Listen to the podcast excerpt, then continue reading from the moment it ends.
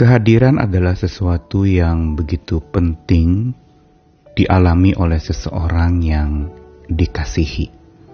Karena tanpa kehadiran maka kasih itu mungkin hanya sekedar kata-kata atau dari jarak jauh diungkapkan kasih sayang itu tapi tidak hadir berjumpa langsung dengan orang yang dikasihi.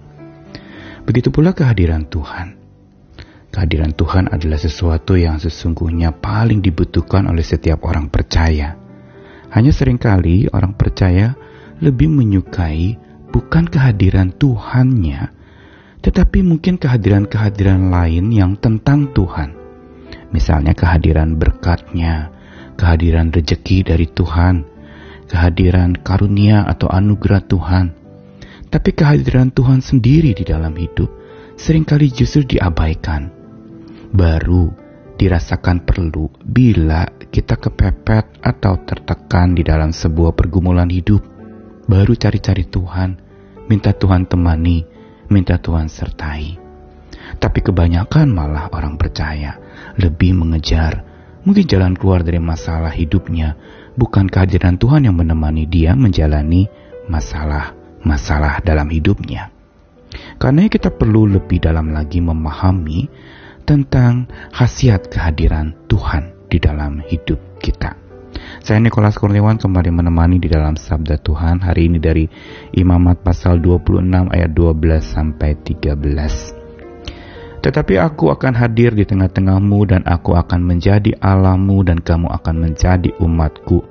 Akulah Tuhan Allahmu yang membawa kamu keluar dari tanah Mesir, supaya kamu jangan lagi menjadi budak mereka Aku telah mematahkan kayu kuk yang di atasmu dan membuat kamu berjalan tegak. Ungkapan di dalam Imamat 26 ayat 12 sampai 13 ini merupakan cuplikan dari kata-kata yang di babak pertama dari Imamat pasal 26 berjudulkan berkat. Yaitu banyak kali Musa menuliskan bagaimana seseorang bisa hidup di dalam berkat Tuhan. Dan Cuplikan yang dicantumkan ayat 12 sampai 13 ini mau memberitahu kepada setiap kita bahwa berkat itu tidak semata pemberian dari Tuhan. Tapi berkat itu sendiri adalah justru kehadiran Tuhan. Karenanya Tuhan mengatakan dengan terus terang kepada orang Israel bahwa aku akan hadir di tengah-tengahmu. Hadir di tengah-tengah apa artinya?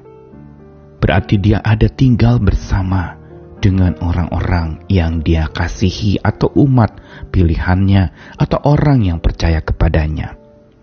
Hadir di tengah-tengah bukan sekedar dia hadir lalu diam dan menatap saja orang-orang yang ada di sekitarnya. Tapi hadir di tengah-tengah dia menengahi masalah kita yang sedang di tengah-tengah pergumulan. Karena itu pada saat di mana kita di tengah-tengah persoalan dan masalah hidup, kita justru harus ingat yang pertama bukan solusi dari persoalan itu, tapi bagaimana Tuhan hadir di tengah-tengah pergumulan hidup, Tuhan hadir di tengah-tengah hati kita, Tuhan hadir di tengah-tengah kekacauan dan kekhawatiran hidup kita. Atau Tuhan juga hadir di tengah-tengah konflik yang sedang terjadi dalam hidup kita, entah di keluarga, entah juga di dunia ini, di kancah peperangan yang terjadi. Dia menghendaki dirinya untuk hadir dan bukan hadir semata dia katakan bahwa Tuhan akan menjadi Allahmu dan kamu akan jadi umatku. Sebuah ungkapan yang menunjukkan adanya sebuah relasi dan korelasi antara Tuhan dengan manusia, dengan umatnya. Dia menjadi Allah berarti dia yang menguasai. Dia menjadi Allah berarti dialah yang disembah dan dialah juga yang memerintah hidup kita. Dan ini sebenarnya kehadiran Tuhan yang kita harusnya lihat sebagai khasiat kehadirannya yang begitu dahsyat. Bahwa dia hadir di tengah-tengah menengahi pergumulan hidup kita, di tengah-tengah kancah persoalan hidup kita, sekaligus dia mau menjadi penguasa, membereskan masalah kita. Tapi tentu saja bersama dengan kita, dia temani kita. Dan dilanjutkan lagi dalam ayat 13 lebih ditegaskan khasiat kehadiran Tuhan itu bukan saja hadir di tengah-tengah tetapi menguasai dan yang ketiga dikatakan Akulah yang membawa kamu keluar dari tanah Mesir, supaya kamu jangan lagi jadi budak mereka. Perhatikan kalau ayat yang ke-12 tadi, waktu Tuhan hadir di tengah-tengah umatnya, umatnya merasa tenang. Tapi ayat 13 justru mau menegaskan kepada kita bahwa Tuhan hadir di tengah-tengah umatnya, bukan saja supaya umatnya merasa tenang, tetapi juga menang mengatasi penindasan, mengatasi perbudakan yang sedang dialami.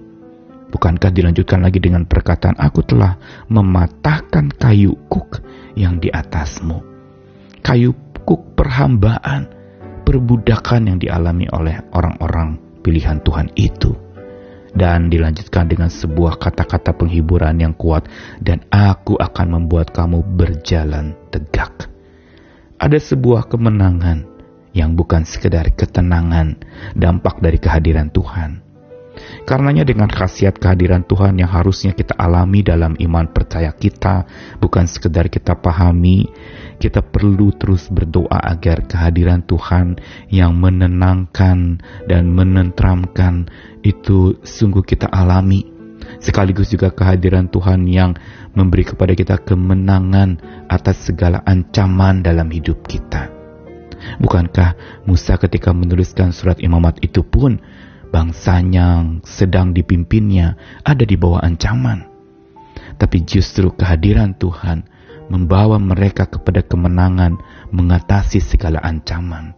Bukan ancamannya itu hilang, tapi mampu menguasai segala ancaman itu agar ancaman-ancaman itu tidak menguasai hidup umat percaya. Karenanya mari kita terus membangun sebuah pola hidup yang menghadirkan Tuhan di sepanjang hari-hari kita, dalam pekerjaan, dalam keseharian kita, di dalam masa-masa jaya atau masa-masa runtuh, dalam masa keberhasilan atau kegagalan, biar kita selalu menemukan Tuhan. Biar doa kita seperti lagu yang Bapak Don Moon ciptakan. Saya mau ada di mana engkau berada saya ingin berada di mana engkau beserta denganku. Biar itu boleh menjadi doa setiap kita. I want to be where you are. Tuhan mengasihi kita sekalian. Hadirnya menguatkan kita. Karena hadirnya berkhasiat buat kita. Amin.